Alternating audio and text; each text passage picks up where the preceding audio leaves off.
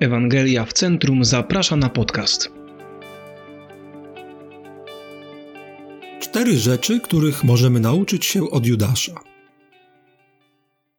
Łatwo jest dyskredytować Judasza jako łotra albo ofiarę, ale jestem poruszony faktem, że pod wieloma względami był on po prostu taki jak ja. Judasz był naśladowcą Jezusa i głosicielem Ewangelii, ale była w nim chwiejność. Ostatecznie porzucił wiarę, którą dawniej wyznawał. Oto cztery rzeczy, które z łatwością pomijane są w historii Judasza. Pierwsza poświęcenie, które ofiarował. Judasz ofiarował poświęcenie Jezusowi i nie ma powodu, aby myśleć, że nie był on szczery w swojej wierze.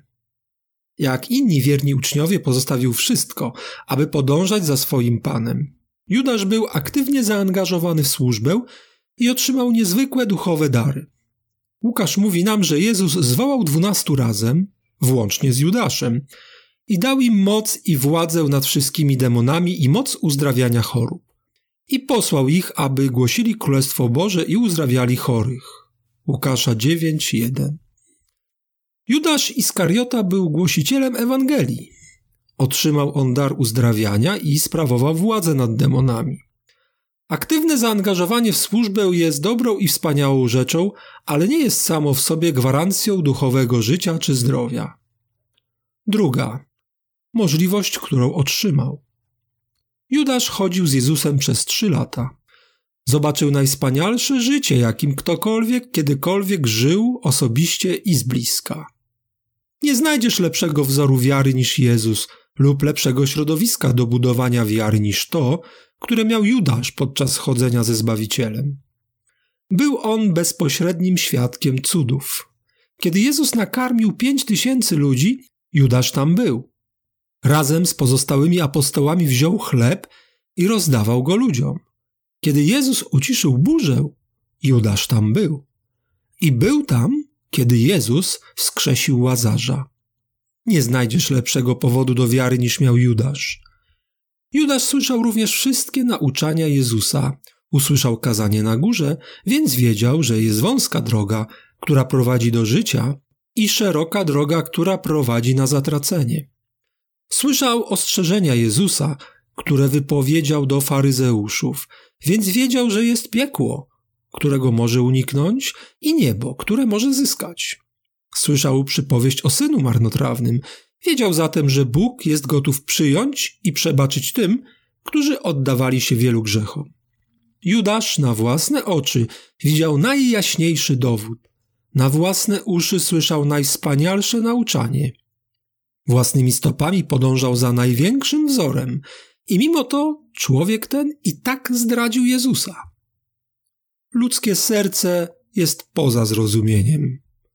Księga Jeremiasza 17:9. I jest coś niepojętego w przypadku osoby, która porzuca wiarę, jaką wcześniej wyznawała.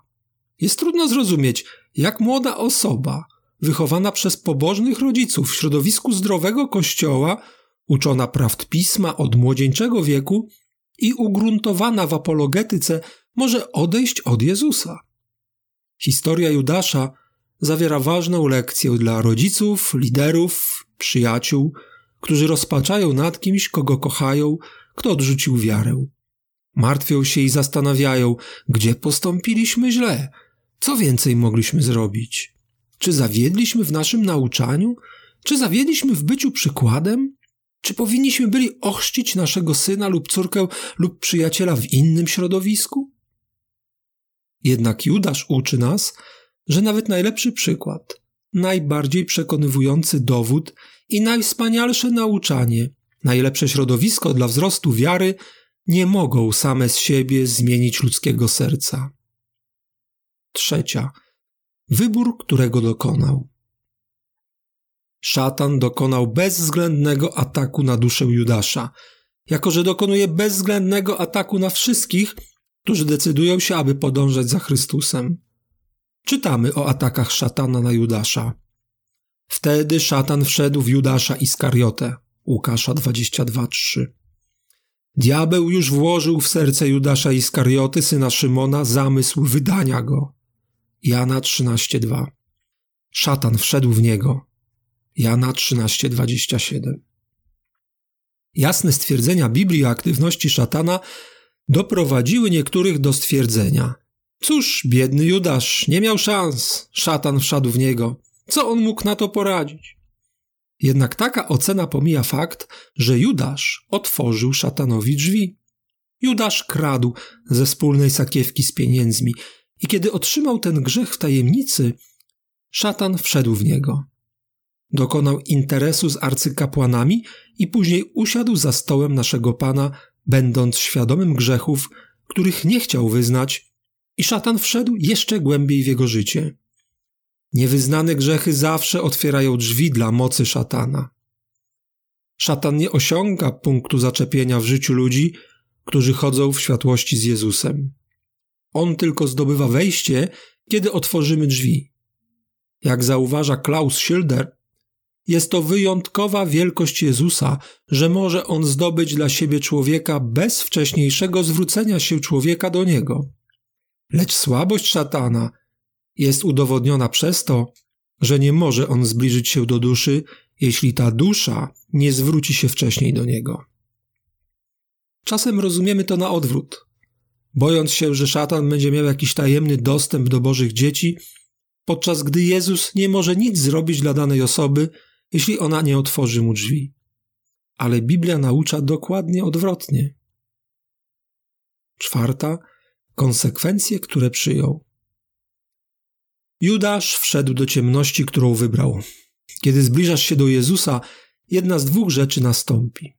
Albo staniesz się w pełni należącym do Niego, albo skończysz bardziej od Niego odizolowanym. Pośród tych, którzy nienawidzili Chrystusa najbardziej, byli ci, którzy niegdyś wyznawali, że Mu ufają. Jego stwierdzenia są tak doborowe i jego wymagania tak wszechogarniające, że w końcu musisz albo oddać mu siebie całkowicie, albo odejść od niego zupełnie. Nie ma nic pośrodku. Tylko ci, którzy nigdy go nie poznali, mogą pozostać obojętnymi wobec niego. Dla tych, którzy się zbliżają, jedynym rezultatem jest albo pełne oddanie, albo ostateczna wrogość. I każdego dnia każdy z nas zmierza w jednym kierunku albo w drugim. W epoce, gdzie wielu porzuca wiarę, którą dawniej wyznawało, historia Judasza ostrzega nas, by strzec naszych serc, żebyśmy się nie oddalili. Historia Judasza przygotowuje nas również, by wyciągnąć pomocną dłoń do tych, którzy mogą być blisko odejścia od wiary. Chrystus wzywa nas do bycia litościwymi dla tych, którzy mają wątpliwości. Innych ratujcie, wyrywając ich z ognia. List Judy 22-23.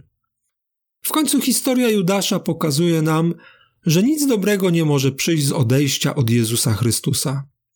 On jest najwyższą wartością i naśladowanie go jest warte każdej ceny. Colin Smith